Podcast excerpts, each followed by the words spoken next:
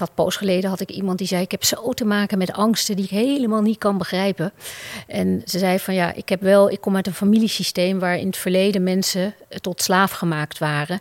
Maar dat ze zei ook tegelijkertijd in dat familiesysteem waren ook slavenhandelaren die hoorden ook bij dit betreffende familiesysteem. En daar voelde je meteen een hele ja, spanning in die, in die opstelling ontstaan.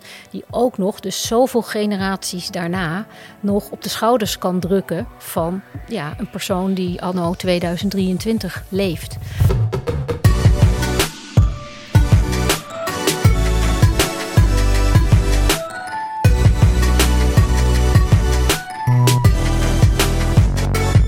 Welkom bij aflevering 43 van Barberio Podcast. Een aflevering waar ik lang naar heb uitgekeken. Vandaag heb ik de gast Els van Stijn van uh, De Fontein.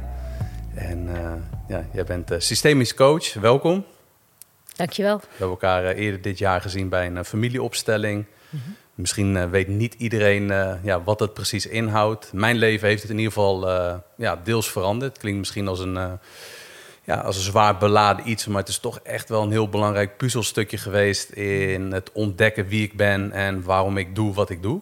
En ja, ik gun dat andere mensen ook enorm. Voor de mm. mensen die jou nog niet kennen, uh, wil ik jou heel graag presenteren aan de luisteraars. Mm.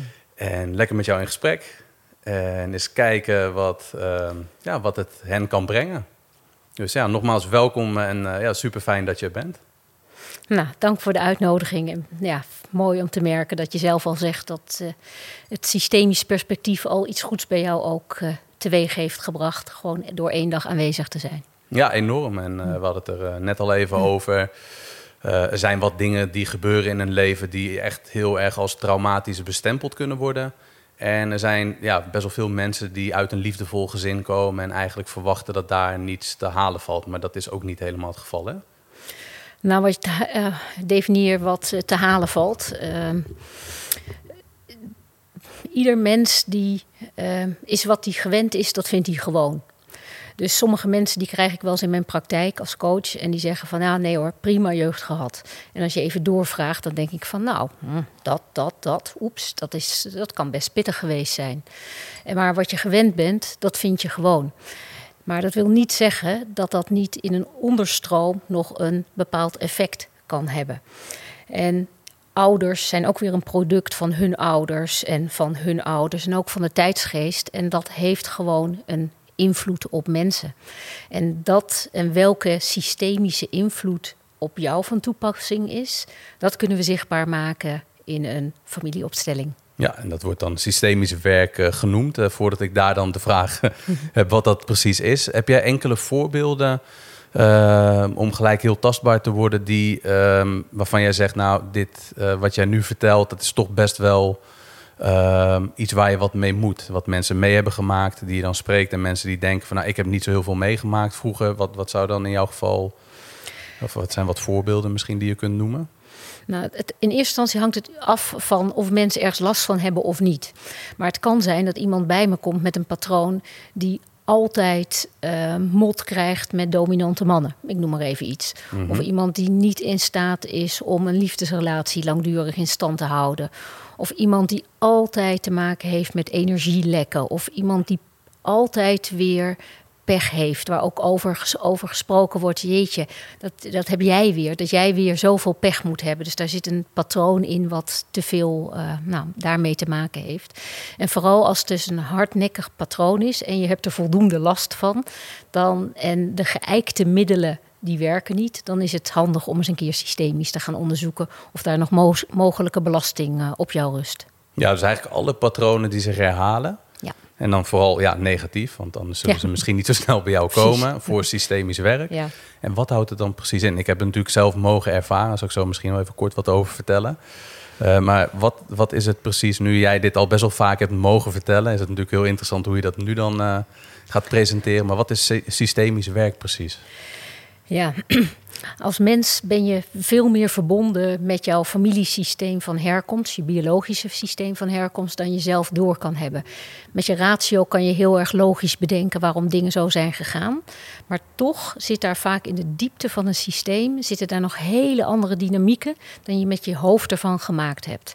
En dat kunnen we dus zichtbaar maken in een familieopstelling. En die dynamieken die we daar zien, die bepalen eigenlijk ook de patronen in je huidige leven. En als je dus op dat vlak daar in staat bent om iets te veranderen, dan zul je ook over het algemeen een effect in je dagelijkse leven merken. En dat zorgt gewoon voor een hogere kwaliteit van leven. Ja, heel bijzonder. Ik heb het zelf mogen ervaren eerder dit jaar. Um, ja, eigenlijk is het zo dat je in een, uh, in een groep verzamelt. En waar jij of een van jouw collega's uh, de dag verzorgt. En het is echt een, een lange dag. Het is van ochtend tot uh, einde middag. Ja. lunch tussendoor. Mm -hmm. En er is een groep ehm, ja, van echt de, de, de hoofdpersoon als het ware. En een groep representanten. Dus de, de mensen die eigenlijk puur alleen uh, een soort van bijrol hebben die noodzakelijk is om de dag te volbrengen. Ja, eigenlijk in andere woorden, van, uh, op zo'n dag doe ik meestal zes mensen die een vraag inbrengen. En dat kan dus om een patroon uh, wat zo hardnekkig is om te doorbreken, een thema, een ander vraagstuk. Dus zes mensen brengen een vraagstuk in en de rest van de deelnemers die staan dan ten dienste van die opstelling van de anderen. Want we gaan hen dan gebruiken als element van hun familiesysteem en het vraagstuk wat, uh, ja, uh, waar ze mee komen om te onderzoeken wat zit daar nou.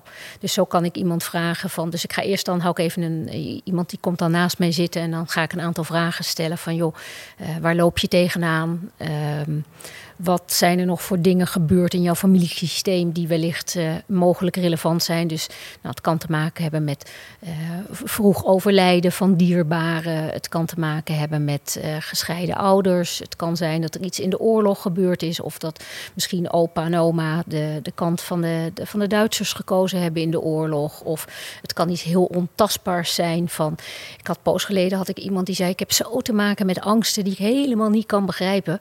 En ze zei van ja, ik heb wel, ik kom uit een familiesysteem waar in het verleden mensen tot slaaf gemaakt waren.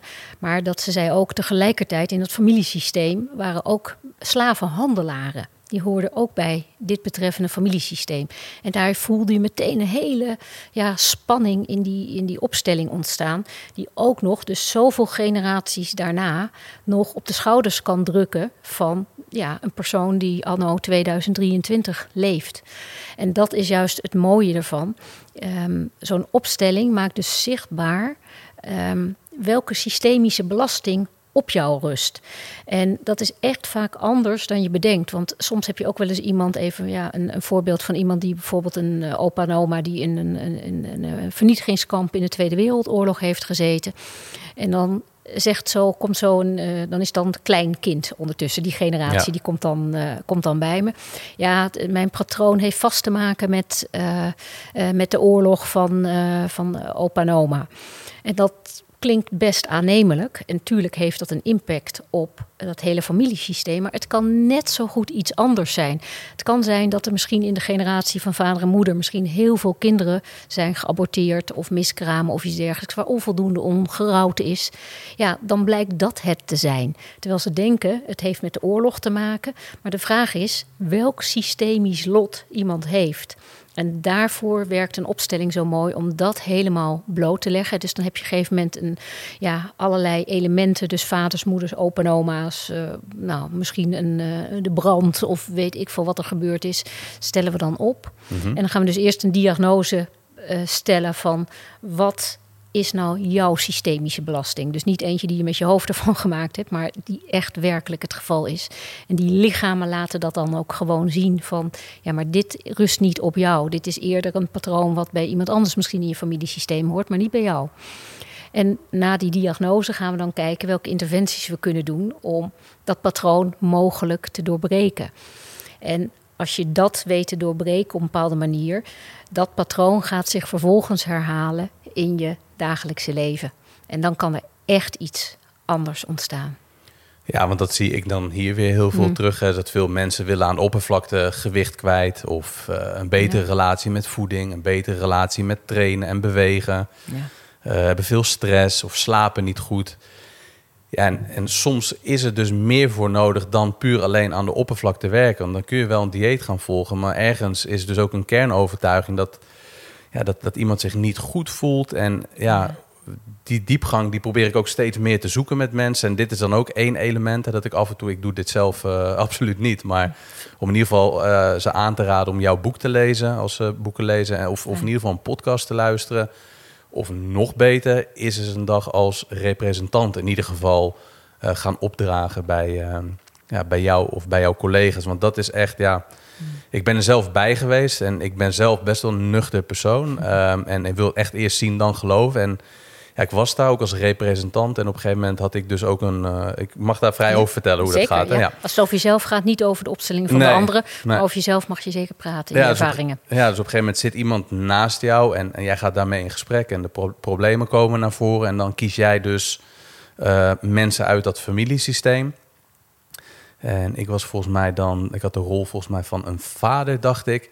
En dan moet je opstaan en dan moet je dus laten leiden door je benen. En ik dacht, ja, dit, dit wordt wat voor mij. Dit is, ja, ik weet niet of ik hierin uh, meega. En ik voelde toch een bepaalde kant. En uh, mensen die mij goed kennen, in het begin ben ik nogal best wel verlegen. En ja, ik werd echt een kant, een soort van geleid. En ik sta zo recht voor iemands neus die daar gewoon in die kring zit. Ik dacht, shit. Ja, dit, dit zou ik niet, uh, dit is niet gespeeld of niet geacteerd. Dus ik werd echt met mijn rug naar de uh, persoon in kwestie gedraaid, over wie het ging, die geholpen wilde worden. En dat was echt wel heel bijzonder dat ik merkte ook gewoon dat iedereen echt een plek innam. Ik dacht, ja, dit is wel heel bijzonder hoe dat dan werkt. En aan het einde, ja, bizar hoeveel mensen echt gewoon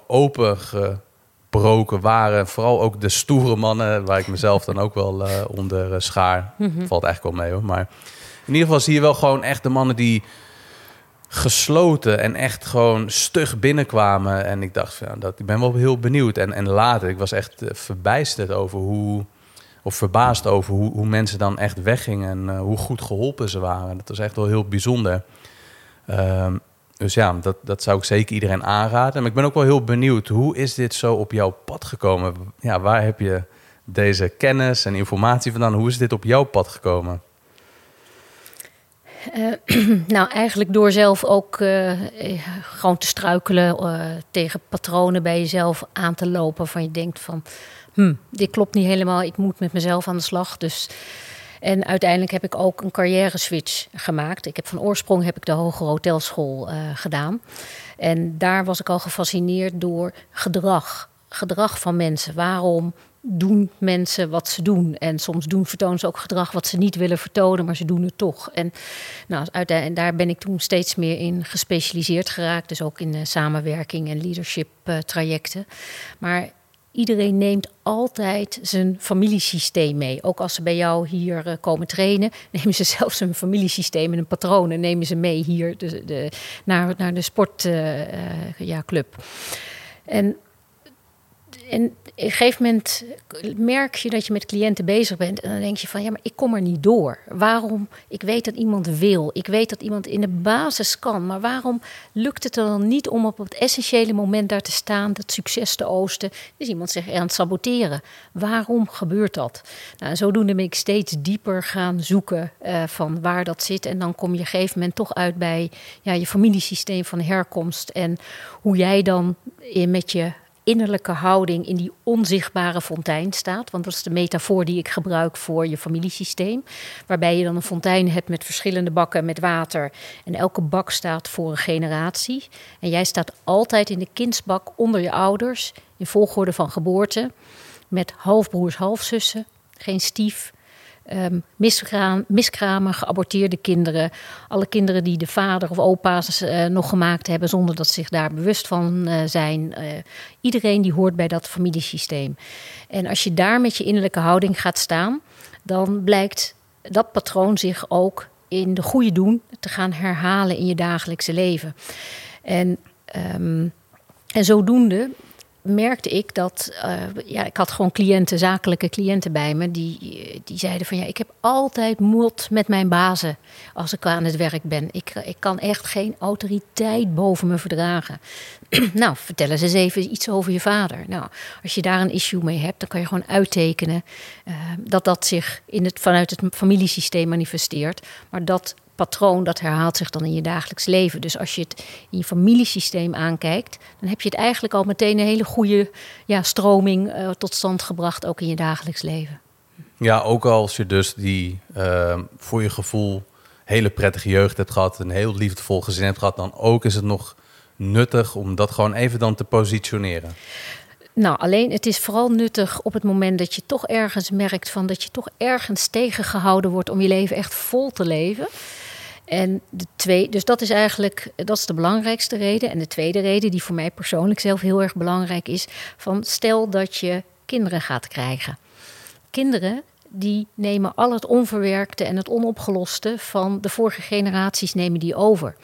En ik heb zelf, um, ja, mijn missie in het leven is geworden om volgende generaties systemisch schoner te krijgen. Want daarmee kunnen ze hun eigen leven gaan leven.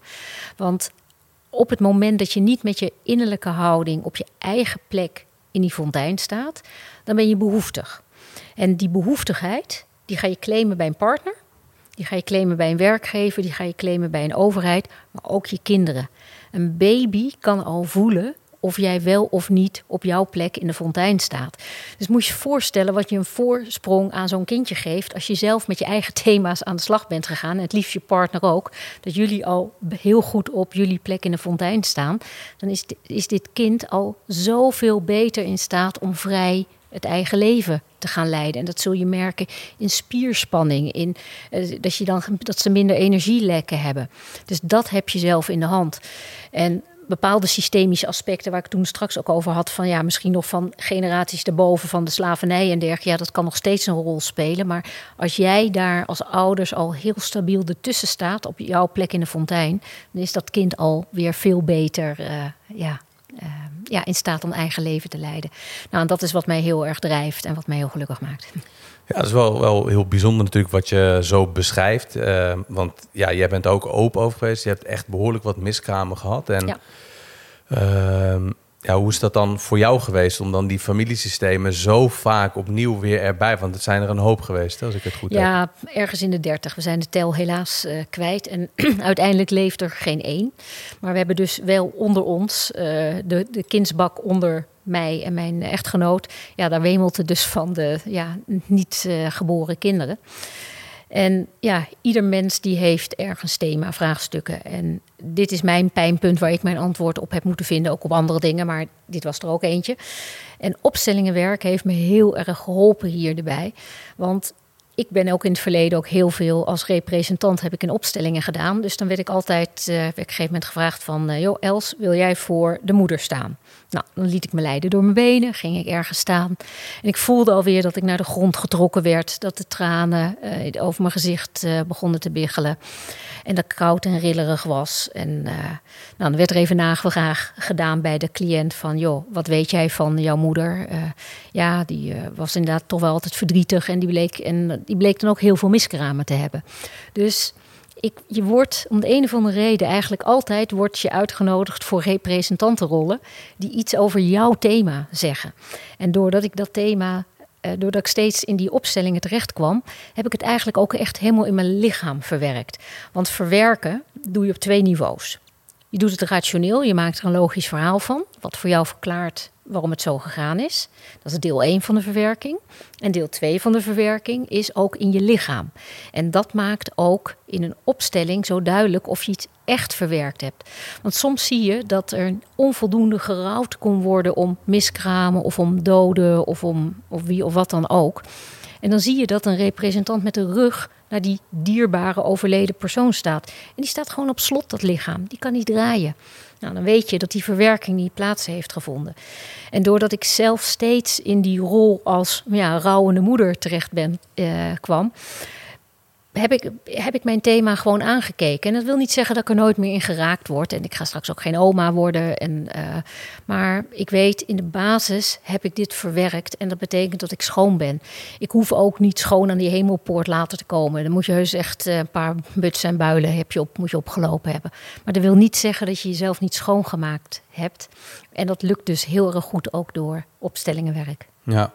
En als je dan zoveel ja, heftigs hebt meegemaakt, Ehm, waar haal jij of waar put je dan je kracht uit? Als je merkt ook van ja, je bent zo vaak, heb je verdriet gehad, zo vaak teleurgesteld. Mhm. En toch geloof je ergens in. Toch geloof je in van ja, wat je net eigenlijk al zei, dan ja, is het ervoor om te zorgen. Ik ben er op deze wereld om heel veel generaties schone de wereld in te krijgen. Ja, nou, hier is, dit is inderdaad heel boeiend dat je dit zo zegt. Van uh, ja, tegenwoordig ik, ik ben in het verleden heb natuurlijk vreselijk in de weerstand gezeten. Ik ben heel boos geweest dat ook mijn lichaam het niet deed en dat ik geen kinderen kon krijgen en zo. Dus ik heb mijn lichaam helemaal afgewezen. Ondertussen heb ik daar uh, de integratie met mezelf wel weer heeft uh, plaatsgevonden. Um, maar um, wat wilde ik nou zeggen? De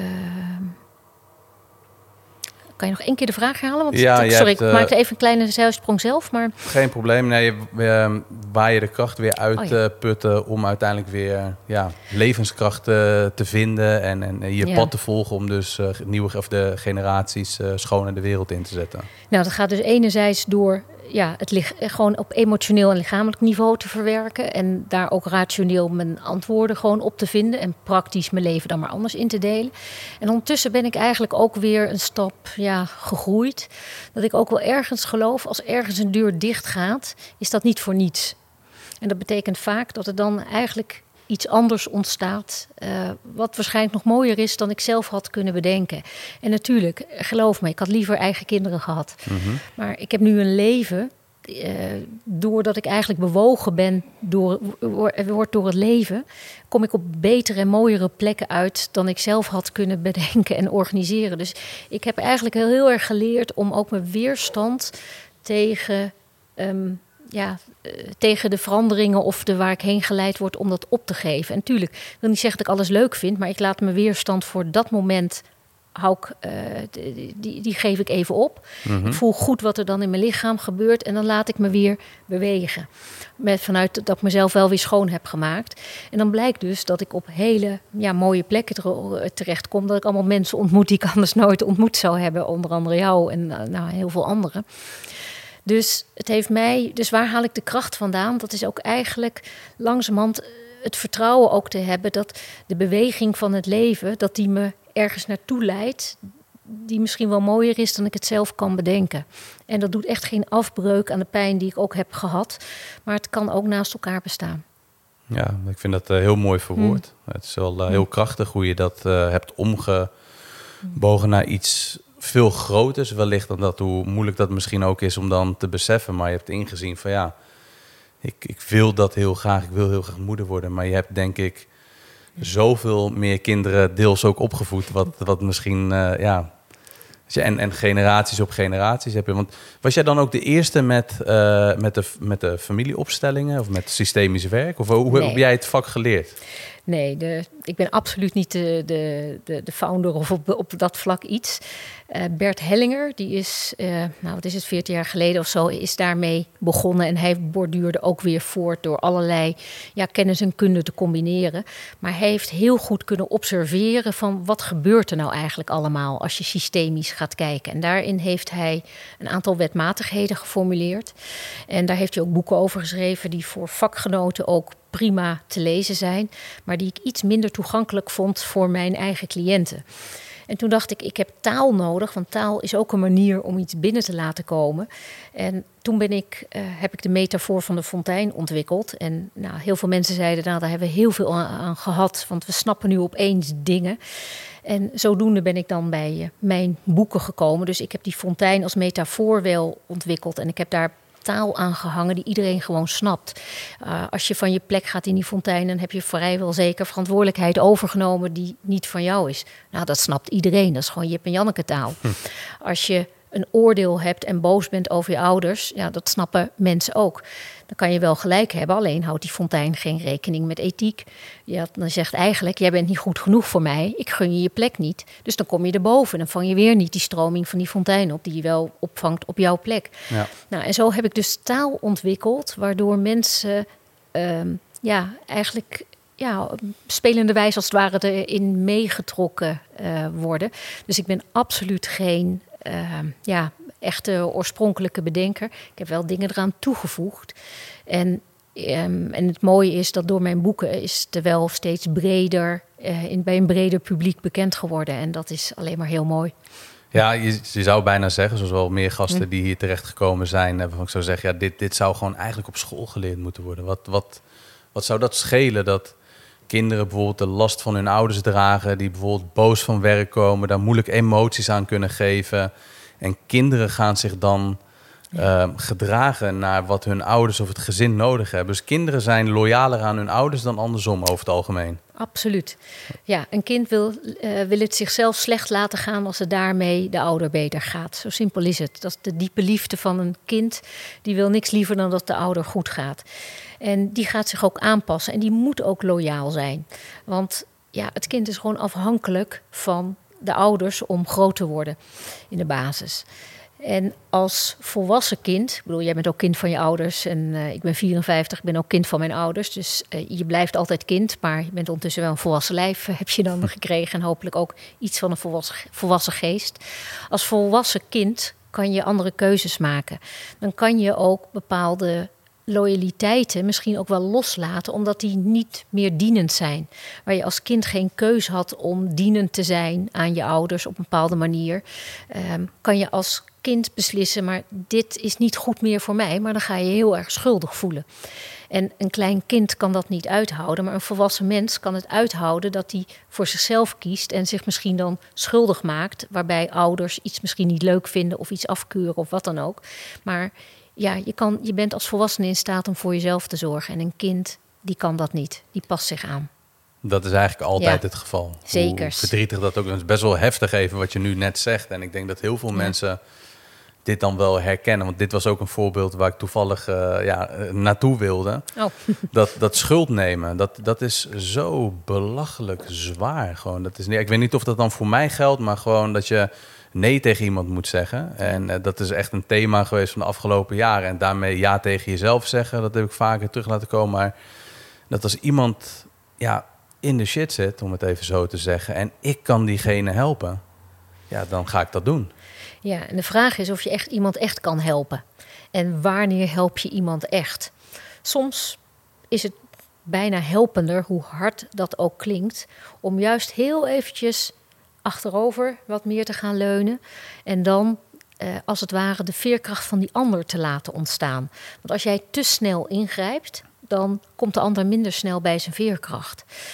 Dus dat is in ieder geval een van de, de, regels van de kunst van het helpen, die ook Bert Hellinger, die ik ook net noemde, uh, ook ja, heeft beschreven. En ook in mijn nieuwe boek, dat in, uh, over een maand uitkomt, schrijf ik ook uh, meer praktische aspecten van wanneer help je iemand nou echt?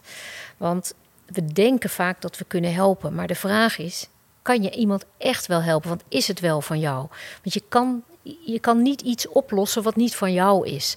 En als je ook zo de neiging hebt om iemand te willen helpen, dan kan je bijna eigenlijk al in je familiesysteem terugzien dat, uh, dat je vermoedelijk wel ook voor een vader of een moeder hebt gezorgd op een bepaalde manier. En want dat patroon herhaalt zich dan in het dagelijks leven. En ik heb in het verleden ook voor mijn moeder gezorgd, want zij was op een bepaalde manier overbezorgd over mij. Dus ik ben heel lief en braaf geweest. En als ik ergens mee zat, dan deelde ik dat uh, niet met haar. Want dan zou ik haar bezorgd maken. Dus daarmee kwam ik als het ware boven haar te staan. En natuurlijk in de praktische zin zorgde zij voor mij. Alleen daarmee mijn helpen hielp niet. Want die bezorgdheid van mijn moeder en haar angsten, daar kan ik niks in doen. Die zijn niet van mij, die kan ik niet oplossen. Dus uh, die moet ik, ik moet het gegeven moment uithouden dat zij bezorgd is. En dat ik voor mezelf kies. En dat ik uh, gegeven moment in mijn studententijd echt naar de andere kant van de wereld ben geweest. Waar, nou, het is nog van de tijd dat de mobiele telefoons niet waren. Dus en internet er ook ongeveer niet. Dus op dat moment wist ik gewoon dat mijn moeder het heel zwaar zou hebben. Maar ik moest dus uithouden om me schuldig te maken dat ik daar aan de andere kant van de, plezier, van de wereld heel veel plezier aan het maken was. Terwijl ik wist dat mijn moeder dat niet leuk zou vinden. Maar wilde ik mijn eigen leven leiden, dan moet je dat schuldgevoel uithouden. En als je dat niet uit kan houden, ja, dan ga je toch weer constant bellen. Of uh, van uh, ja, nee, het gaat hier goed en ja, geen zorgen. Uh, nee, ik kan het niet oplossen voor mijn moeder. Maar ik moet het uithouden en ja, je lichaam bewonen. Zoals, om daarmee die schuldgevoelens die te kunnen voelen. Die moet je niet wegstoppen, daar moet je ja tegen zeggen. En dat is ook de kunst van je lichaam bewonen. Van, nou, jij komt vanuit de, de hele fysieke wereld. Van, nou, daar zijn mensen enorm afgetraind. En met een beetje mazzel stoppen ze er ook hele gezonde stoffen in. En vitamine en supplementen en weet ik veel wat allemaal. Maar dat wil niet zeggen dat ze echt connectie met hun lichaam hebben. Ze zijn gewoon hartstikke goed afgetraind. Het ziet er heel mooi uit. Maar dat wil niet zeggen dat ze diep van binnen dingen kunnen voelen. En als je niet goed kan voelen, en dus ook geen schuldgevoelens, ja, dan schiet je sneller in die oude patronen van zoals jij met je innerlijke houding in die fontein staat. Want ik stond dus boven mijn moeder. Dus dat patroon van mensen willen uh, verantwoordelijkheid overnemen die niet voor mij is, uh, die nam ik dus over. En als je niet oplet, neem je dat dus ook mee. Nou, dat gebeurt eigenlijk onvermijdelijk naar je werk. En zeker alle coaches in deze wereld, die, um, die moeten er heel voorzichtig mee zijn dat ze niet te veel verantwoordelijkheid over willen nemen voor hun coachie. Want daarmee krijg je eigenlijk een ouder-kindrelatie in plaats van een volwassene-volwassene relatie. Want het patroon dat herhaalt zich. En je moet het ook uit kunnen houden dat soms een, uh, een coachie het zwaar heeft. En dan moet je niet dan s'avonds uh, je, dat je compleet aantrekken en dat je zelf jezelf klein houdt, want dan laat je jezelf het niet goed gaan. Maar soms iemand moet echt iets zelf oplossen. Jij kan aanreiken en doen wat je wil, maar een ander moet het oppakken. En dat moet je dus uit kunnen houden. En een coach die moet het dus, ja, uh, eigenlijk hoe beter jij op je plek staat in de fontein, ook als begeleider, op wat voor vlak dan ook, op fysiek of uh, coachvlak, uh, hoe meer je bij de ander kan laten wat van de ander is. En dan kan je eigenlijk veel zuiverdere ja, ja, coachadviezen of wat dan ook. Uh, of, of adviezen of interventies kan je dan doen. Ja, het is wel even een besefmomentje. Want het is natuurlijk wat er eigenlijk altijd wel misgaat. Het is dat uithouden van, ja, wat, wat ik net al aangaf. Je ziet dat iemand in de problemen zit. Ja. ja, dan is het niet nadenken en gewoon doen. Maar om even terug te gaan van, wacht even. De ander zit in de problemen. Er gebeurt iets in mij en daar moet ik even wat, wat bij stilstaan, even bij mezelf inchecken. Wat gebeurt er nu met mij? Ik kan het niet verdragen dat iemand om wie ik geef, of zelfs mensen om wie ik niet geef, die ik net heb ontmoet, die zitten in een probleem. Ik zie dat ze dus hulp nodig hebben. Het maakt een bepaald gevoel in mij los. Dat gevoel kan ik gewoon niet dragen, omdat dat ja, ondraaglijk is gewoon, letterlijk. Het is on, Ik kan er niet mee leven dat ik iemand in de shit zie en ik kan diegene helpen. Dus ik kies voor mijn eigen gevoel, wat het is natuurlijk ja, heel moeilijk om het zo te zeggen, maar het is egoïstisch. Op een bepaalde manier wellicht, maar de vraag is: wat dient de zaak meer? En uh, het is wat je heel mooi zegt, eigenlijk dient de ander dan als spiegel voor jou. Ja. Want het raakt iets in jou. En wat wordt erin geraakt? En als je niet oplet, kom je dan in zo'n systemisch patroon kom je dan terecht. Dat je inderdaad weer in dat oude verantwoordelijkheid overnemen die niet van jou is, wat je zo gewend was, bijvoorbeeld voor je moeder. Dus ja, dan moet je even daar uh, iets bij jezelf gaan doen. Maar op het moment dat je weet dat je nou, redelijk stabiel met je innerlijke houding in die fontein staat en je hebt ook een bepaalde overvloed dat je kan geven. Uh, en het dient ook misschien nog jouw waarde. Want ieder mens heeft eigen waarden die, uh, die hem ook een stuk definiëren. En wat, wa, wat betekenis aan jouw leven geeft. Ja, dan moet je zeker helpen. Alleen, wanneer help je iemand echt? Of ben je eigenlijk je ongemak aan het wegwerken met het helpen van de ander? Bij mij, in ieder geval, als ik voor mezelf spreek, is dat heel veel zo geweest. En nu. Ja Hmm. Nu probeer ik mezelf echt bloot te stellen aan het ongemakkelijke gevoel om, hmm.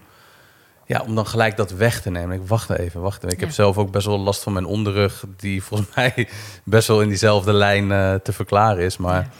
ja. om dan is echt even blootgesteld te worden aan het ongemakkelijke gevoel. En ik moet zeggen, het is niet makkelijk. Het is echt. Uh, ja, het is niet binnen mijn comfortzone, om dus, omdat ik dat altijd zo heb gedaan. Wat je zegt, toch wel een beetje people pleasen ook wel. Ja En mensen, ja, je weet ook dat je de skills hebt om mensen te helpen. En dat ik voel me sterk. Ik voel me gewoon, ja, ik kan honderd mensen op een dag helpen als het moet. Alleen ja, is het echt helpen? Of neem ik eigenlijk de uitdaging voor iemand anders weg en word ik alleen maar sterker of meer overbelast? Precies.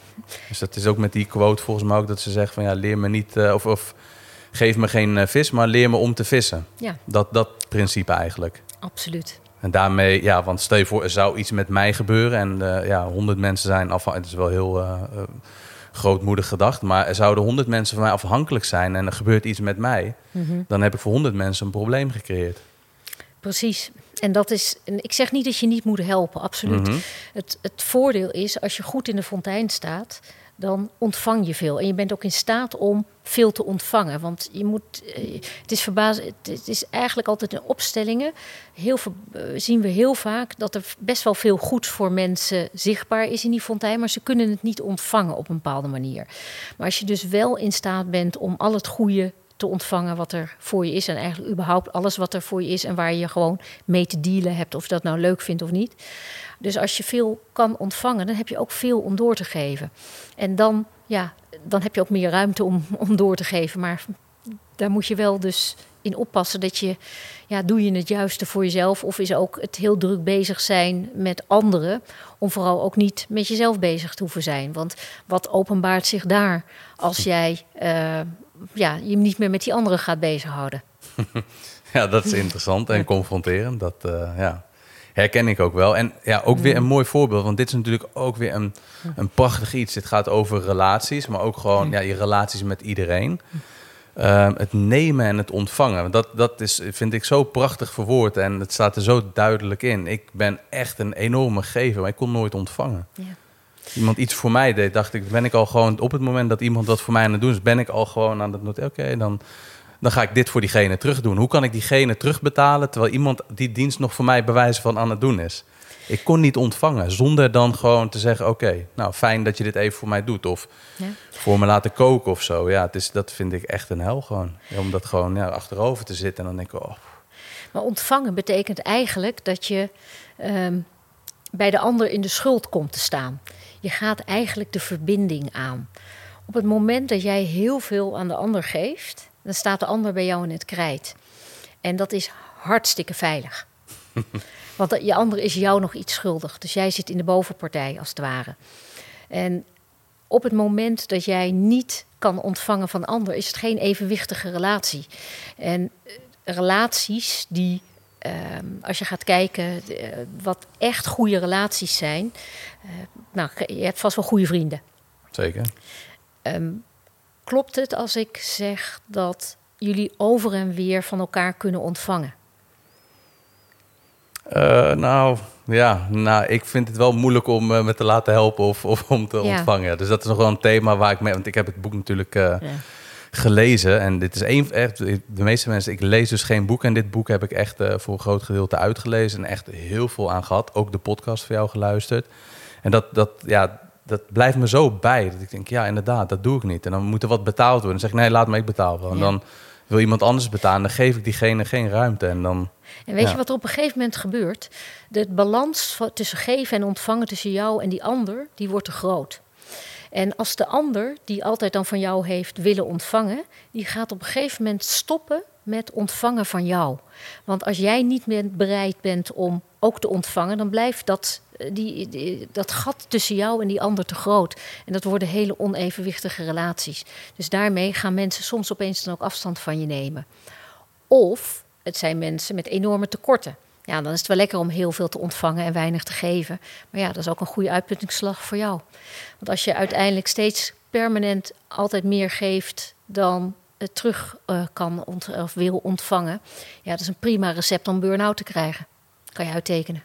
Dat is wel interessant. Ja. Dit, dit vond ik een van de belangrijkste voorbeelden die ik heb moeten leren. Maar ik kan me ja. ook voorstellen dat heel veel mensen dit toch echt wel confronterend, maar misschien ook prettig vinden om te horen, is dat je dus moet ontvangen ja. om een diepere verbinding met de ander te krijgen. Anders is het dus een, een oneerlijke relatie. En dat is met je ouders dan, daar komen we zo wel op, denk ik, wel goed. Ja, daar moet het een disbalans zijn. Maar anders krijg je dus in gewoon alle relaties behalve je ouders, is op een, eh, creëer je een binding. Op het moment dat jij heel erg veel geeft en de ander ontvangt dat, maar jij ontvangt niet van hen terug, dan krijg je een binding. Die ander die voelt altijd dat die nog een beetje in de schuld staan bij jou. Ja, dat is een binding.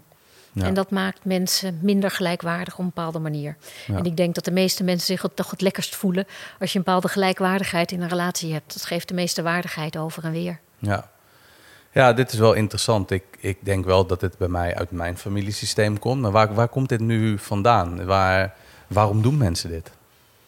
Waarom gebeurt dit? Ja, dat zal je per persoon echt moeten onderzoeken. Oh, daar kan ik geen standaard antwoord voor iedereen erop geven. Maar op het moment dat je slecht kan ontvangen, kan je gewoon eigenlijk uittekenen dat jij op bent gestegen in de fontein. Maar dat kan je om meerdere redenen kan, het, kan dat zijn. En dat moet je gewoon ja, echt uitzoeken maar daar zit wel een... Uh, een, volledig verband.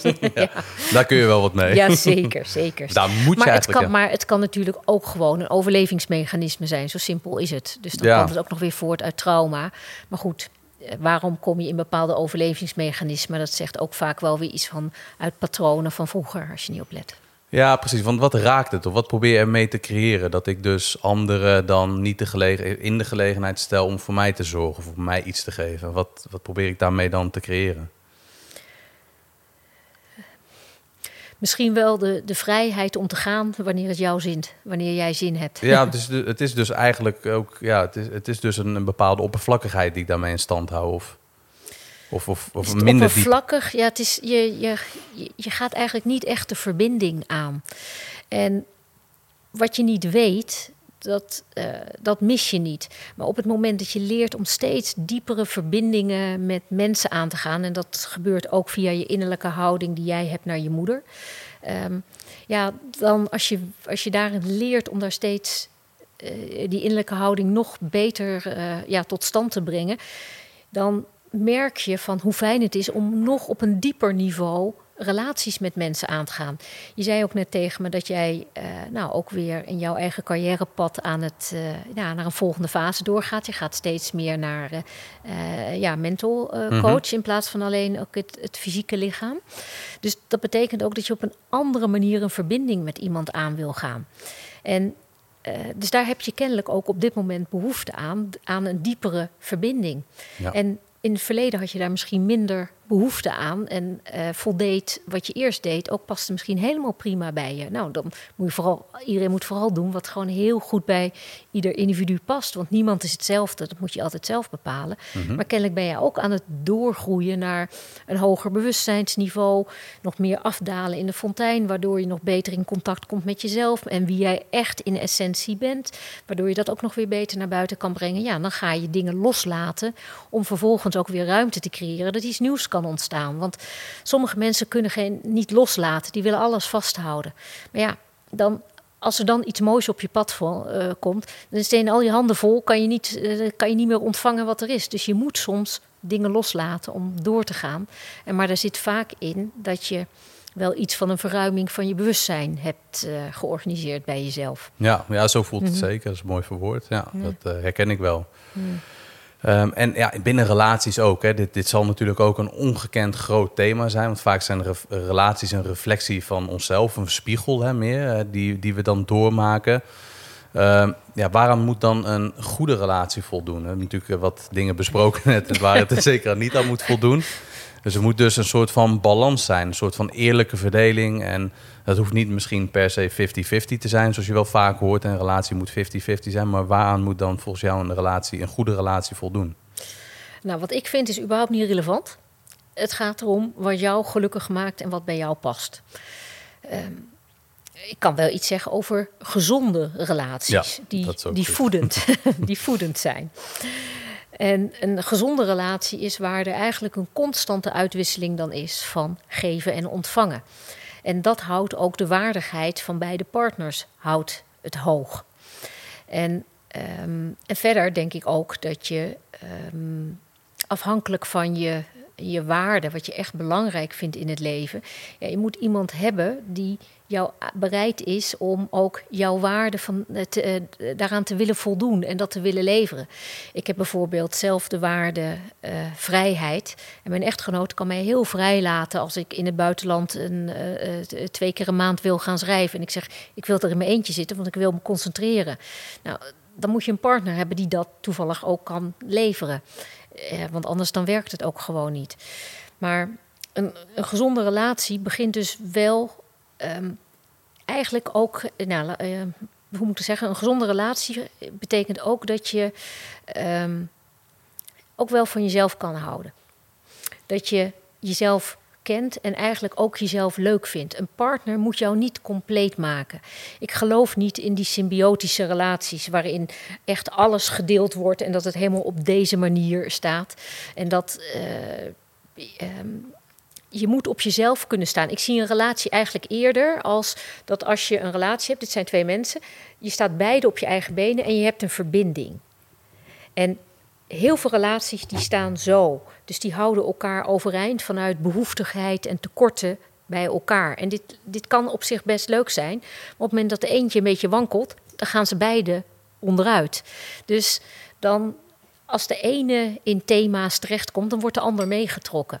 En dus bij een gezonde relatie is, begin vooral eerst je eigen thema's aan te kijken. Want um, als jij ook niet je eigen thema's aankijkt, dat is ook een van de wetmatigheden.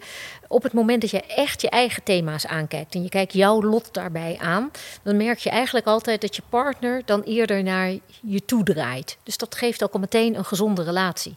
Op het moment dat de partner ja, een beetje wegloopt van de thema's uh, en het eigenlijk niet wil aankijken, dan zie je eigenlijk dat een andere partner dat die, dat die ook wegdraait.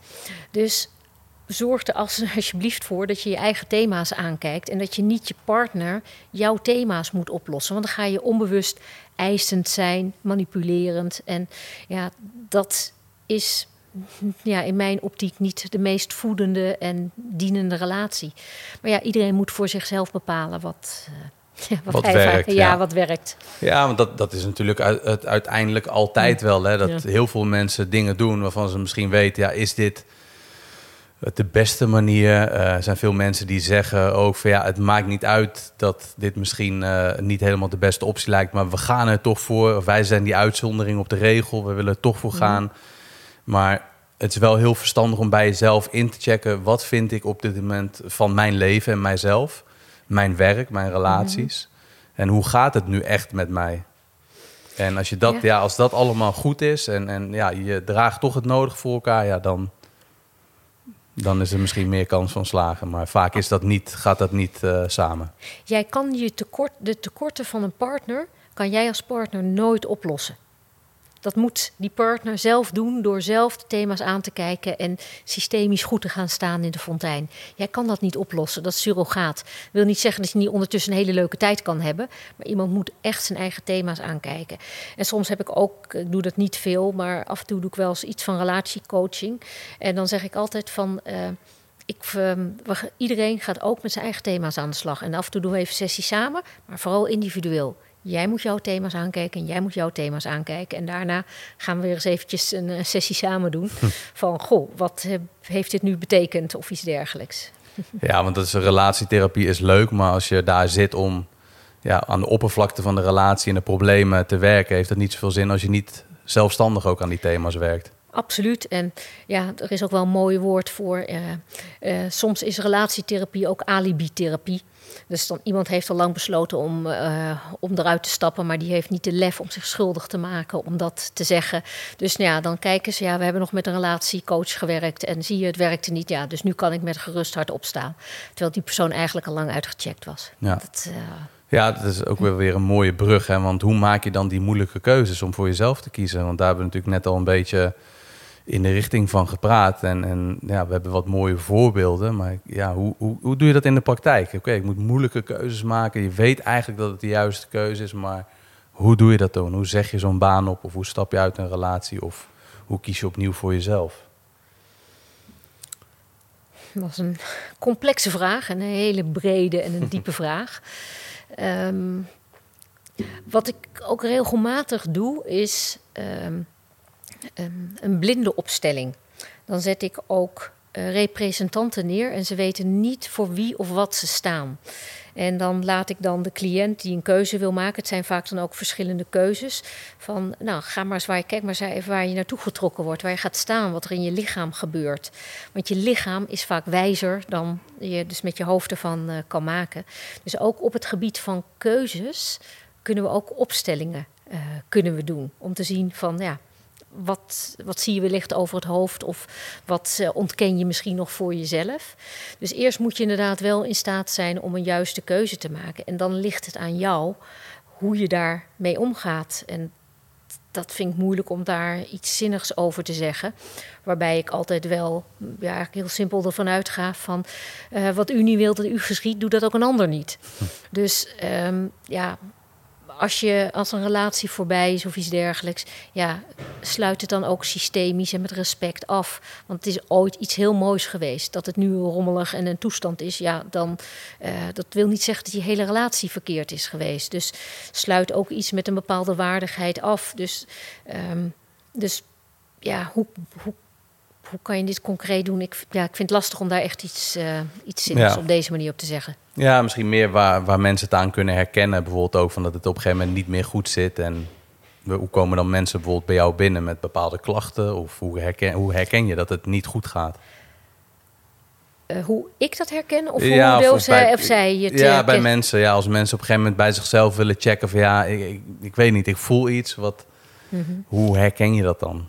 Als iets niet meer helemaal kloppend nou, is. De mensen die, bij, die wel in staat zijn al om hun lichaam redelijk goed te voelen, die voelen toch al vaak uh, in een eerder stadium dat er iets niet klopt. Want als jij goed uh, signalen op kan vangen van een ander uh, in een vroeg stadium, dan kan je al eerder al, kan je handelen. Dus, dus dan kunnen ze al eerder, komen ze al eerder er naartoe van... hé, hey, speelt iets, ik weet nog niet wat het is... maar kunnen we daar eens op onderzoek gaan? Nou, dan kunnen we dat ook met een, eh, met een opstelling... kunnen we vaak ook nog wel iets boven water krijgen van... hé, hey, maar dit is het thema waar je nu echt mee te maken hebt... zonder dat ze dat zelf helemaal konden bedenken. Ja. Um, dus het lichaam uh, die, uh, die kan protesteren, die kan zelfs ook gewoon ziek worden. Ik bedoel, een lichaam die geeft eerst, uh, nou, eerst ben je een week verkouden. Nou, als dat niet lukt, dan ga je, word je nog weer langer ziek en dergelijke. Dus hoe meer jij een signaal negeert, hoe groter signaal er van je lichaam gaat komen. Tot wellicht ook een burn-out. Um, en verder ook als patronen zich maar blijven herhalen. Als je steeds voelt dat je altijd weer uitgeput bent, dat je altijd weer uh, de shit van anderen aan het opruimen bent, of dat je op je werk altijd het net niet die, die baan krijgt die je zo graag zou willen. Ja, als daar zulke echt patronen in zitten, ja, dan is het reden om eens even goed achter je oren te gaan krabben. Om te denken van, hé, hey, wat speelt er hier nou in de diepte en waar ken ik de patroon misschien ook nog meer van? Ja, precies. Dus er zijn echt wel duidelijke signalen die je krijgt. En als je ze negeert, dan gaat je lichaam harder protesteren. Dat is wel mijn ervaring. Ja. ja. Oké, nou, ik denk dat dat toch wel duidelijk is voor mensen dat ze daarmee dan aan de slag kunnen. Van, ja. ja. Weet je, en het, het, zijn, het zijn toch dingen die je dus moet doen in een goede relatie, maar ook in een niet goede relatie. Ergens moet je dus je verantwoording nemen. Je moet je schuld nemen. Je moet jouw leven leiden. En ja, daar zullen soms mensen dus niet gelukkig van worden. Of daar zullen mensen misschien soms last van hebben. Nou, ik ben wel eens uh, door mensen, uh, nou, laat maar zeggen, niet zo. Uh, die hebben me uitgescholden, zeg maar. Dat ik op een gegeven moment het durfde te zeggen. dat, ik zei, dat ik zei van: Goh, de winst om te veranderen is nog te klein. Nou, dan, dan, word je uitgescholden, want dan zeg je eigenlijk... Uh, dus iemand, eh, ja, eigenlijk zit er nog te veel winst in slachtofferschap. dat is een interessante, want dat, dat is eigenlijk wanneer iemand dus nog niet echt... Iemand voelt dat, eh, dat er veranderd moet worden om een beter leven, maar wil het nog niet veranderen. Daar komt het eigenlijk op neer. Bijvoorbeeld, ja. En ja, handelt dus ook vanuit het niet willen veranderen. Dus dan moet, ja, moet je zelf zeggen, ja nee klopt, je hebt gelijk. Ik, ik ben er nog niet klaar voor, ik wil het wel. Maar ik ben, dat is eigenlijk dus de de minst gunstige plek waar je eigenlijk kan zitten. Ja, en mensen zitten daar niet voor niks. En kennelijk ja, is het patroon nog, hebben ze nog te weinig echt last van het patroon om het echt te gaan doorbreken. En als ik ze dan daarop wijs, ja, dan word ik soms. Uh, ja, uh, Maar live of, of, Oh ja hoor, soms dan. Uh, of je krijgt recensies of dat soort dingen. Maar ja, ieder heeft zijn eigen tempo en ritme waarin dingen tot stand komen. Kijk maar ook gewoon maar uh, in de hele wereld, in of in, met name ook in de natuur en dergelijke. Alles heeft zijn eigen ritme en eigen tempo. En ik kan wel, uh, soms, dat is soms ook wel lastig, omdat ik natuurlijk, ik, ik kan redelijk snel wel inschatten waar iemand staat. Um, maar iemand, ik moet ook wel de kunst houden om dan aan te sluiten bij waar dan die ander staat. Want soms denk ik van, joh, hoe simpel is het even dat en dat en dat. Nou, dan kom je daar. Maar ja, dan, dan is de, dat eerste stuk er nog niet om, om daar te beginnen. Ja, dan is de tijd gewoon nog niet rijp. Nou ja, dan, uh, de pijn is nog niet groot genoeg, hoe heftig het ook al misschien is voor diegene. Precies, juist. Ja, ja, ja en diegene moet zijn of haar lot of, dragen. Precies, en of ik ben misschien niet de juiste persoon of deze werkwijze of wat dan ook. Maar uh, het mooie is wel dat zo'n opstelling die legt gewoon eigenlijk loepzuiver uh, bloot van wat er echt is. En vaak is dat dus echt nog meer dan je zelf kan bedenken. Mm-hmm. En hoe beter je dus ziet wat er echt in de diepte is, ja, hoe meer aanknopingspunten je ook krijgt om ja, om te gaan, uh, ja, misschien je, licht, je leven op te bewegen in een richting waar je wel eh, invloed op hebt. Want over heel veel dingen heb je gewoon geen invloed.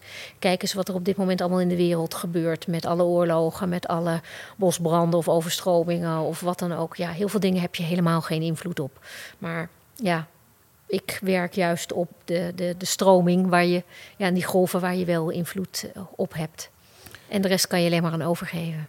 Ja, dat is mooi verwoord nee, inderdaad. Want uh, ja, als je iets niet kan veranderen, dan ja. heeft het ook niet heel veel zin om daar dan uren in te blijven hangen. Hoe heftig het ook ja. is. Want ik denk wel dat jij er ook wel bij stilstaat bij alles wat er gebeurt in de wereld. Maar je hebt daar niet de invloed op die je misschien zou willen hebben. Of helemaal geen invloed op. En nee. ja, dan kunnen we dan ja, wel met z'n allen in een kamertje gaan zitten om alles wat er gebeurt in de wereld. Of we maken de wereld een mooiere plek uh, op plaatsen waar wij daar dus invloed op hebben er gebeurt heel veel waar je echt geen invloed op hebt. En um, ja, daar kan je helemaal murm door laten slaan.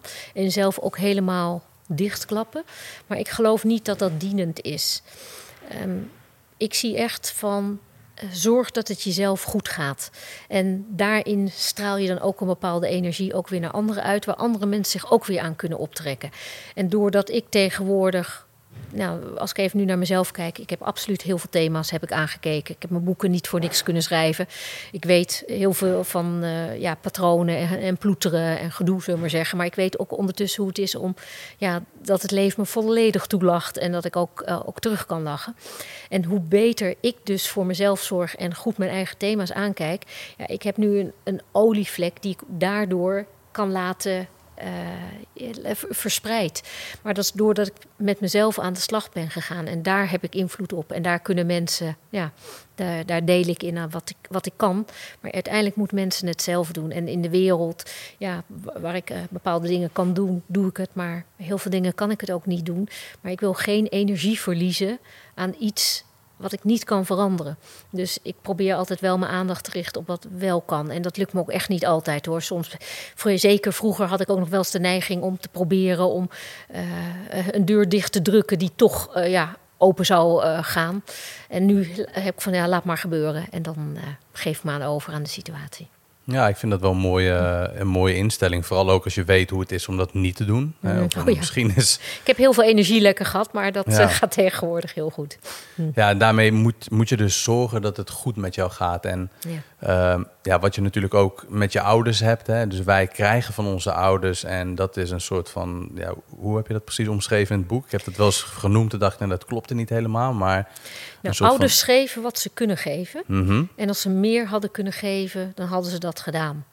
En dat is altijd onmacht. Het is nooit onwil. Uh, dat, uh, soms kunnen ouders alleen maar nemen. Dat ze van hun kinderen alleen maar willen nemen. Maar ouders die hebben jou het leven gegeven. En daarmee hebben ze per definitie altijd meer gegeven dan je ooit terug kan geven. En soms is, die, is het heel zwaar geweest. Heb je een hele hoge prijs moeten betalen. En dan nog kan je ehm, gelukkig met je innerlijke houding kan je heel ver komen om ja, jezelf uh, het goed te laten gaan. Ja, want dat lijkt mij dus het meest heftigste wat er is. Als je dus ja, een hele vervelende jeugd hebt gehad. Ouders die dus niet voor jou hebben kunnen zorgen zoals je dat ja. graag hebt gewild. Of, ja. of er zijn wat, wat dingen gebeurd. Hoe, ja, hoe pak je dat aan? Gewoon, ja, misschien stapsgewijs, misschien een te lange plan van aanpak. Maar wat, wat adviseer je deze mensen? Want ik denk ook wel dat, uh, ja, dat daarvoor, weet je wel, een, een psycholoog inschakelen... heb je gerust kans dat je zes tot twaalf maanden of soms langer moet wachten. Ja. Er zijn gewoon mensen die, die echt wel baat hebben om bij jou een representantendag te doen. Maar wat kunnen zij zelf doen? Of hoe, hoe moet zij er zelf dan instaan?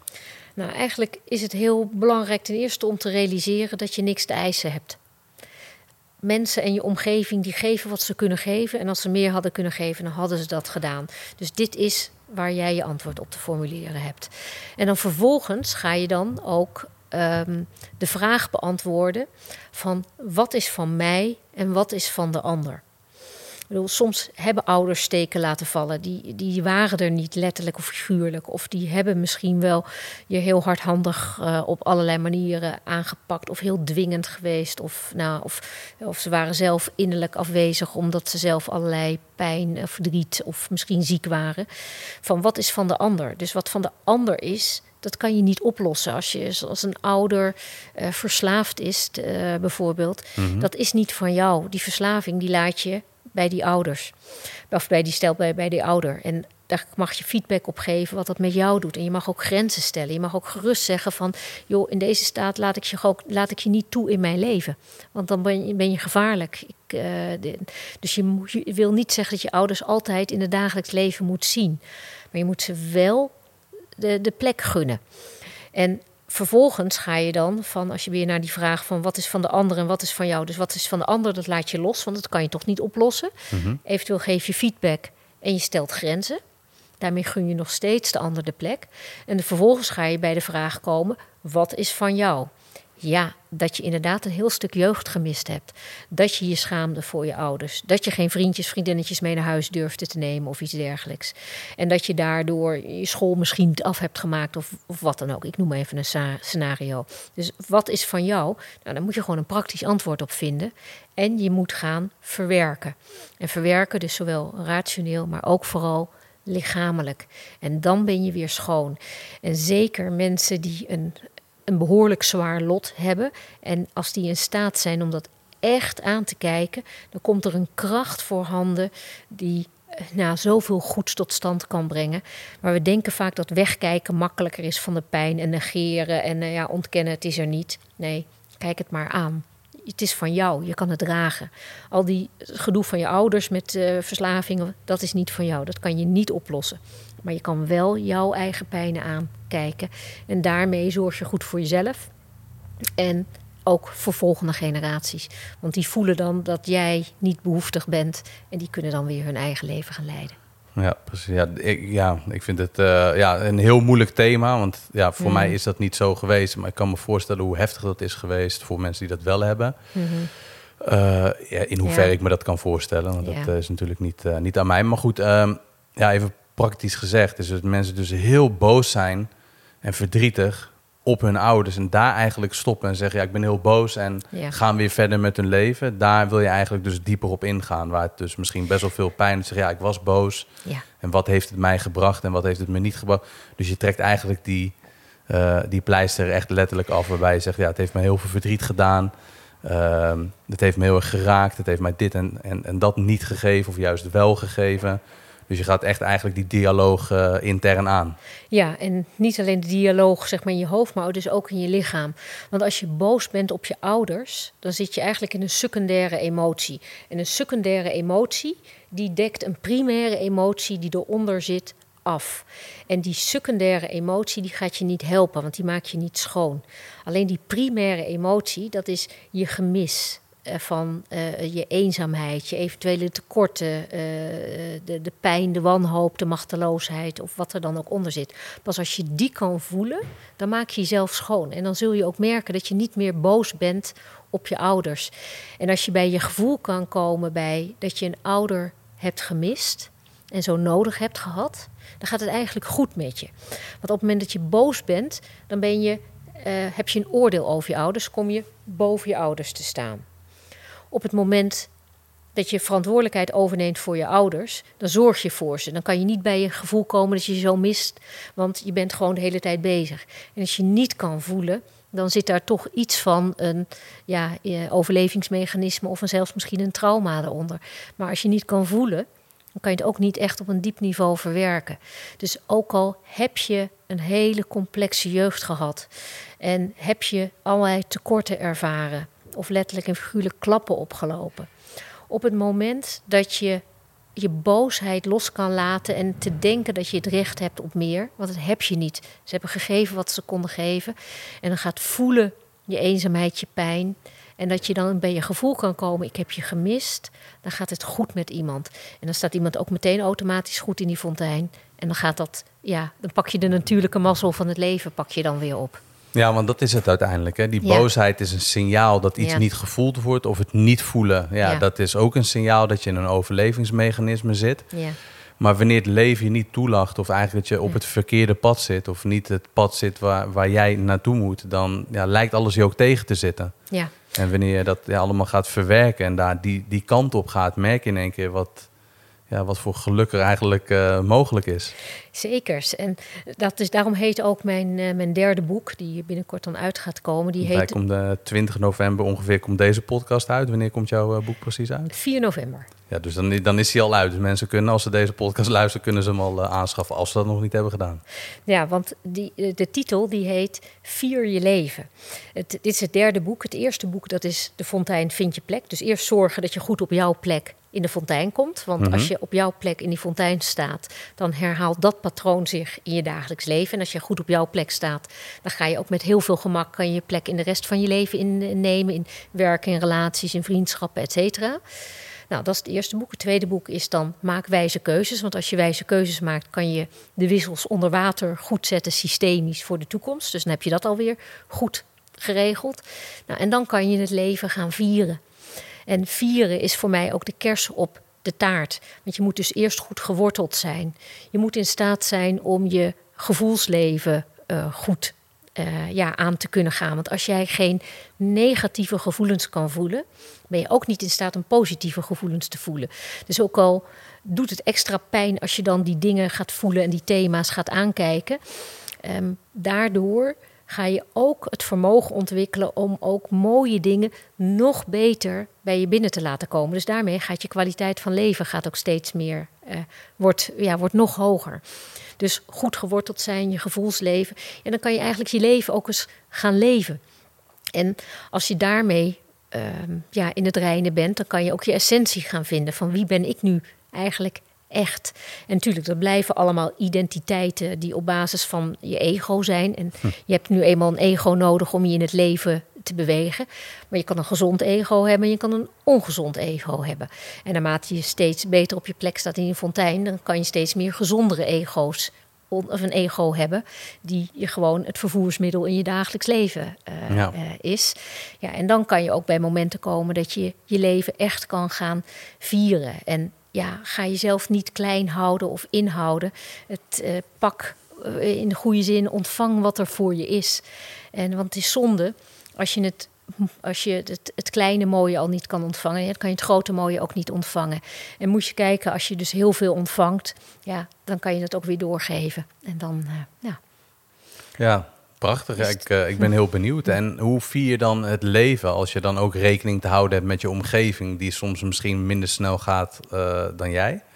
Ja. Uh, of ja, de loyaliteiten die je natuurlijk ook wel hebt naar mensen in je omgeving. Als het goed met jou gaat, denk je van ja, doe maar normaal, doe je al gek genoeg. Of ja, je voelt ook gewoon, ja, als ik nu ja, echt doe wat ik echt leuk vind, ja, dan past mijn omgeving misschien niet meer bij me. Of je voelt een bepaalde loyaliteit naar ouders of familieleden of vrienden. Hoe doe je dat? Ja, dat is wederom je schuldig maken. Je schuldig. Ik heb op een gegeven moment ook een, in, in een van de laatste hoofdstukken heb ik een paragraaf beschreven van heb de moed met een D om bevoorrecht te zijn. Ja, zeker als, je het als, eh, ja, als het allemaal goed gaat, ja, doe daar iets goeds mee voor jezelf. Straal, uh, organiseer daar iets moois mee. Laat daar mensen in delen. En als andere mensen dat niet aankunnen, dan, uh, zegt, dan is het wederom wat is van de ander en wat is van jou.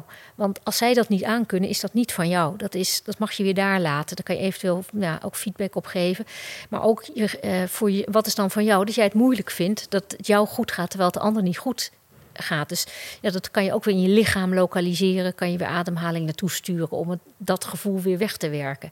Dus durf ehm, dicht bij jezelf te blijven. En dat betekent dat sommige mensen in je leven, die gaan het hele leven mee.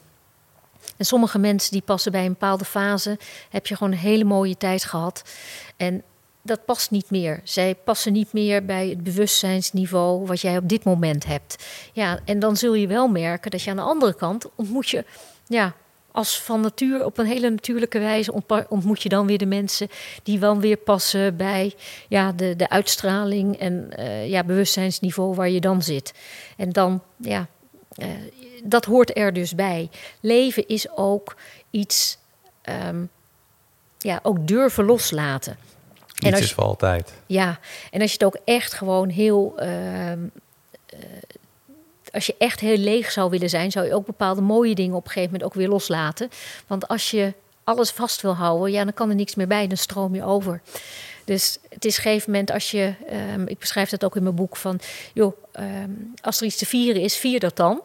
En vier het goed en laat het dan ook weer los.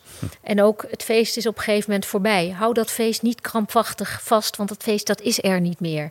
Als je moet vechten, moet je zeker vechten. Ga dan ook vooral vechten. Maar stop dan ook als, het, als je niet meer hoeft te vechten. Dus durf ja, ergens ja, er vol in te gaan, maar durf ook weer los te laten en weer door te gaan. Dus dat. Uh, ja, dat, dat zijn mooie thema's. Die, die, die zijn dus echt voortgekomen. Dus je merkt ook van, nou, ik heb nu een aantal boeken geschreven. En dat dan echt thema's die dan nog misten bijvoorbeeld. Ja, dus nu heb ik ook eigenlijk wel het gevoel van, het is nu als het ware rond. En daarmee wil ik niet zeggen dat ik nooit meer boeken ga schrijven. Maar eerder verdieping, uh, zeg maar, op bepaalde onderwerpen. Maar nu heb ik als het ware het gevoel dat het hele palet uh, er, uh, er is. Ja, ja, heel waardevol. Mm. Ik denk ook de podcast en, en ja, vooral ook zo'n opstellingendag echt, echt aan te raden als je dat niet een keer hebt gedaan, weet je wel. Ja, en begin dan gewoon een keer als representant. Maak het gewoon mee. Je komt altijd om een of andere reden op een dag. Uh, geen enkele dag is hetzelfde, maar meestal zit er in een dag toch een bepaald thema wat een bepaalde groep ook nog weer extra verbindt. En vertrouw er maar op dat, dat jij in die groep komt waar jij bij hoort, wat ergens iets raakt aan jouw thema, wat iets zegt over jou of over jouw familiesysteem, waardoor je dingen begrijpt. Of je maakt jezelf weer uh, schoon doordat je geraakt wordt in bepaalde dingen. Ja, je gaat sowieso dingen leren. En ik denk ook wel een hele belangrijke om te benoemen, wat ik toen ook wel dacht van ja, dat is wel fijn om te weten. Je hoeft niet deel te nemen. Als je daar dus als representant aanwezig bent, mag je ook de rol weigeren. Als je zegt ook, ja, ik, ik voel me toch niet helemaal goed dan kun je het gewoon eens ja, bijwonen. Het is natuurlijk niet de bedoeling dat er eh, honderden mensen zo meteen zich aanmelden... puur om alleen bij te wonen. Maar ik denk wel als je helemaal bij zo'n dag uh, bent... dat je ook wel voelt... Het zijn, het zijn, gewoon fijne mensen die aan zichzelf willen werken. En het is gewoon heel mooi als je daar dan ook gewoon voor een ander een bijdrage kan leveren. En ja, vaak merk je dan ook wel dat het toch voor jezelf ook wat heeft gedaan. In ieder geval zat, ja, waren voor mij ook weer nieuwe inzichten die ik mee naar huis kon nemen. Absoluut. Dus zelfs ook de mensen die zeggen van... goh, ik zou heel graag zo'n dag aanwezig willen zijn. Als representant doe je dan mee. Maar je mag dus altijd weigeren zonder opgave van redenen... Eh, een representantenrol. En um, daar ben ik ook al blij mee. Sta daar. Eh, ik ik geloof iedere keer als je daar bent, je, een mens is een ui. En iedere keer, elke schil die je dan weer ja, kan weten verwijderen, maakt jezelf ook weer schoner. Zitten weer minder mislagen tussen jou en, en de wereld. Kan je weer zuiverder waarnemen, zowel naar buiten als, ook als naar jezelf. Ja, dat dient de wereld. Ja, absoluut. Zeker heel mooi. En even kijken. Ja, ik was ook wel benieuwd, hè? want je hebt natuurlijk wel uh, ja, over levenspad gehad, over hè, je, je missie en en wat, wat betekent echt spiritualiteit voor jou? Hoe, hoe zie jij dat? Hoe zie jij de wereld? Wat, wat heb jij voor, ja, voor thema's die op dit moment spelen? Want je hebt wel echt jouw levenspad gevonden. En ja, zijn er dingen die, waar jij iets aan ophangt? Ik heb bijvoorbeeld dan ja, de laatste tijd, nee, ik heb dus de familiesysteem, heb ik een hele belangrijke plek. Ik vind astrologie, uh, ben ik mee mhm. gestart, vind ik heel uh, mooi en uh, heel waardevol voor mezelf en voor anderen. Ik heb uh, het ongewoon uh, gesprek uh, met God, dat boek gelezen. En ik heb mhm. een Akashic Reading gedaan bijvoorbeeld. Waar sta jij op dit moment? Wat, wat zijn thema's voor jou op dit moment die jouw leven ja, ja. kenmerken? Um, eigenlijk mijn thema waar ik nu ook wel in zit, is eigenlijk ook nog meer ontvangen van het vele mooie wat er is. Het is soms zo bijna een overvloed dat ik me hm. ook denk van... wauw, wat komt er allemaal voor moois op mijn pad? En daar volledig ja tegen te zeggen... zonder me dan inderdaad ook ja, niet al te schuldig uh, te voelen. Dus, dus daar uh, zit ik vooral uh, in het thema... Nou, een thema wat nu ook speelt is dat uh, mijn vader gaat niet helemaal goed. Dus de dood is absoluut ook een, een, een, thema waar ik mee bezig ben. Waar ik zelf, ik ben absoluut niet bang voor de dood. Ik denk dat is vast op een bepaalde manier goed uh, geregeld. Net zoals je weet ook niet dat je geboren bent. Uh, ja, onbewust natuurlijk wel, maar... Um, dus het thema dood vind ik op zich ook wel fascinerend. Van, ja, want ik zie ook in opstellingen dat in, in opstellingen zien we ook heel vaak doden of representanten die dan voor doden staan, die dan of in de oorlog of gewoon door een ongeluk zijn omgekomen of door een abortus of wat dan ook. En de dood lijkt eigenlijk, eh, ze lijken als de representanten die voor de doden staan, die lijken eigenlijk altijd best tevreden te zijn. Die doen helemaal niet zo moeilijk over als ze vermoord zijn of, of gewoon pech dat ze heel vroeg zijn overleden door een ziekte. Het zijn de levenden die daar vaak moeite mee hebben. En dat vind ik wel een heel fascinerend iets, dat eigenlijk de doden. Ehm, ja, bij de doden lijkt soms meer leven te zitten dan bij de levenden in, in opstellingen. Dus dat vind ik iets wat me gewoon fascineert. En ook, um, ja, mijn vader is oud. Um, hij gaat, ja, het gaat niet heel goed. Dus ik ben wel voorbereid op uh, ja, wat gaat komen op een bepaalde manier. Um, dus dood is absoluut ook een thema wat, uh, wat speelt. En verder is, vertrouw ik steeds meer op ja, de beweging van het leven, zoals ik dat noem.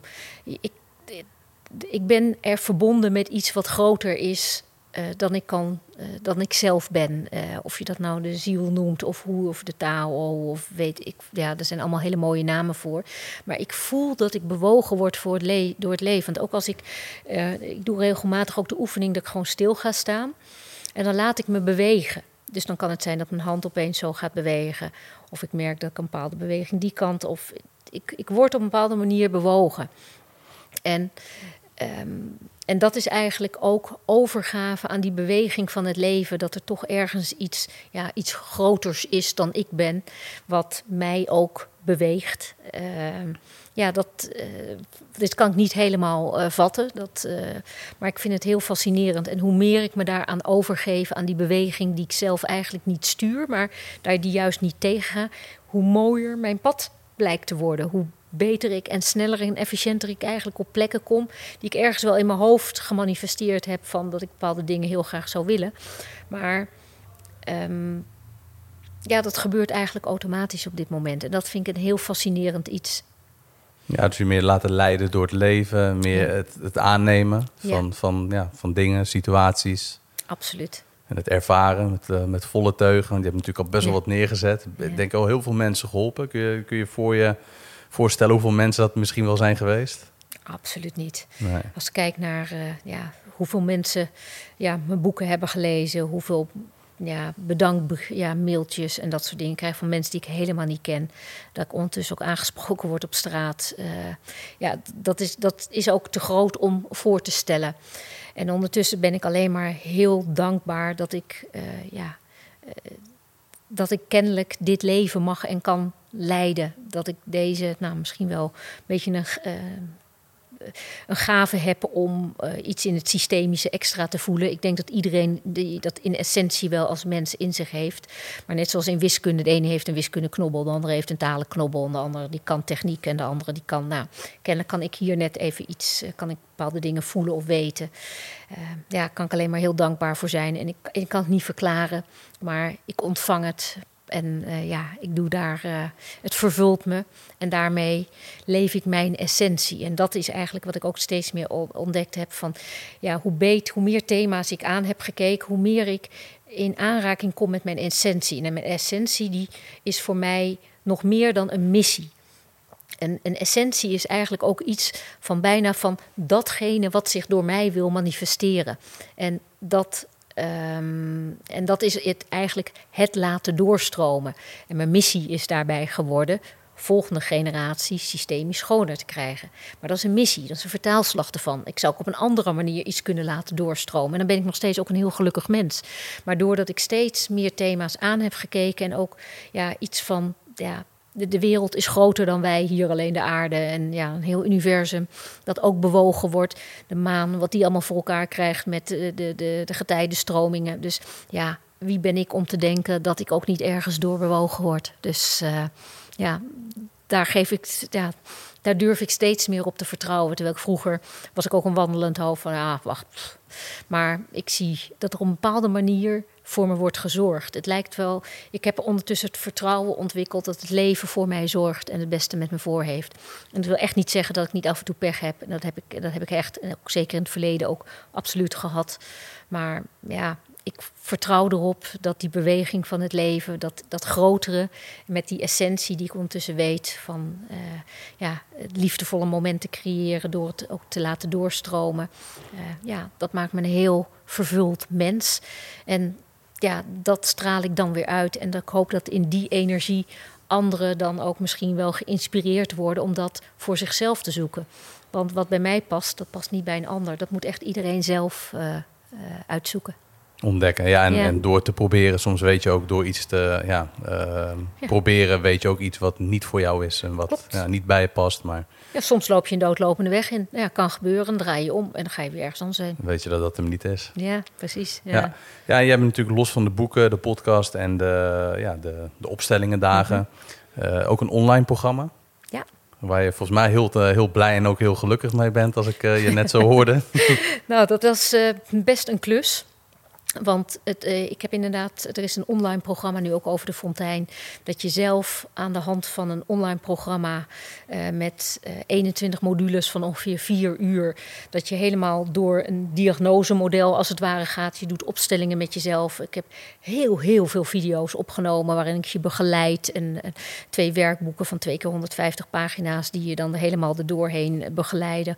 Om dan uiteindelijk hopelijk eerst de diagnose, waar sta je in die fontein? En dan, ja, hoe kan je daar, hoe kan je afdalen en hoe kan je dan ook blijvend hopelijk daar te blijven staan. En dat is inderdaad ook een enorme ja, klus geweest en ook een ontdekking van mezelf van ja, hoe werkt dat? En dan ben ik mezelf ook wel tegengekomen, want het is niet iets. Um, ik heb liever één op één contact. Ik vind het heel fijn om jou hier in de ogen te kunnen kijken, jouw energie te voelen. Maar ik bereik ondertussen zoveel mensen uh, en de fontein ook. Um, ik kan niet meer bij iedereen ernaast staan. En dan ben ik dus gewoon heel blij dat zo'n programma, een tijdloos programma, uh, mensen zelf ervoor kunnen zorgen dat ze zelf door dat programma heen kunnen gaan. Ja, zo zijn het dus voor, voor, ja, eigenlijk voor iedereen uh, zijn er programma's. Dus je hebt ja. een boek, ja, als mensen niet ja. lezen, heb je heel veel podcasts ook. Uh, los van deze zijn er nog uh, veel meer waar Zeker. je echt heel veel vertelt. Ja.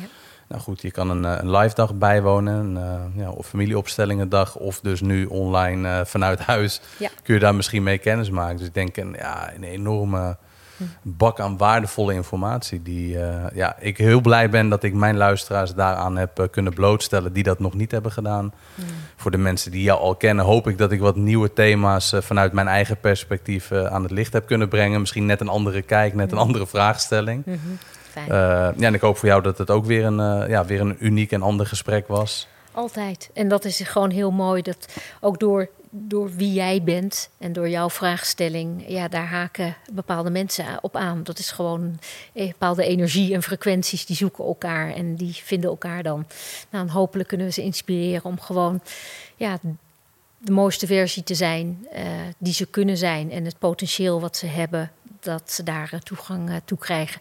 En daar kan systemisch werk een heel groot, uh, ja, heel grote puzzelstuk in zijn. En als je die op hebt, aan hebt gekeken, ja, dan ja, hoop ik dat het leven je toelacht. Ja, ja, dat en dat jij terug kan lachen. dat, ja, dat is mooi verwoord. Ik, ik denk uh, dat ik me daarbij aansluit. Ja. Ook als je zoveel shit hebt meegemaakt al in je leven, is het zonde als je daar dan in de toekomst niet de vruchten van plukt. Ja. En, en ja, mm. besef dat juist de mensen die veel hebben meegemaakt tot veel grotere hoogte kunnen stijgen. Dat is in ieder geval Absoluut. wat mijn ervaring is. Ja. En ik hoop dat die mensen die, uh, ja, die stap kunnen, durven nemen, dat ze hulp vragen waar nodig is, dat ze iets vinden wat bij ze past.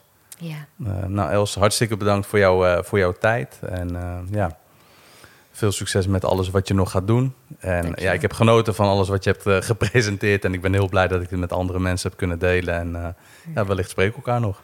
Ongetwijfeld. En dank dat ik hier mag zijn. En nou, fijn dat je zoveel mensen ja, eigenlijk uitnodigt op jouw manier om ja, de thema's aan te kijken die ja, die nu als eerste, de eerste laag van de ui, die dan aangekeken moet worden. En Ja. eh, nou, fijn dat je zo eh, daarin een voorbeeld wil zijn door ook zelf open te zijn. En, Ja. ja. Nou, dankjewel. En eh, luisteraars, kijkers ook weer bedankt. Tof dat jullie er waren en eh, tot de volgende.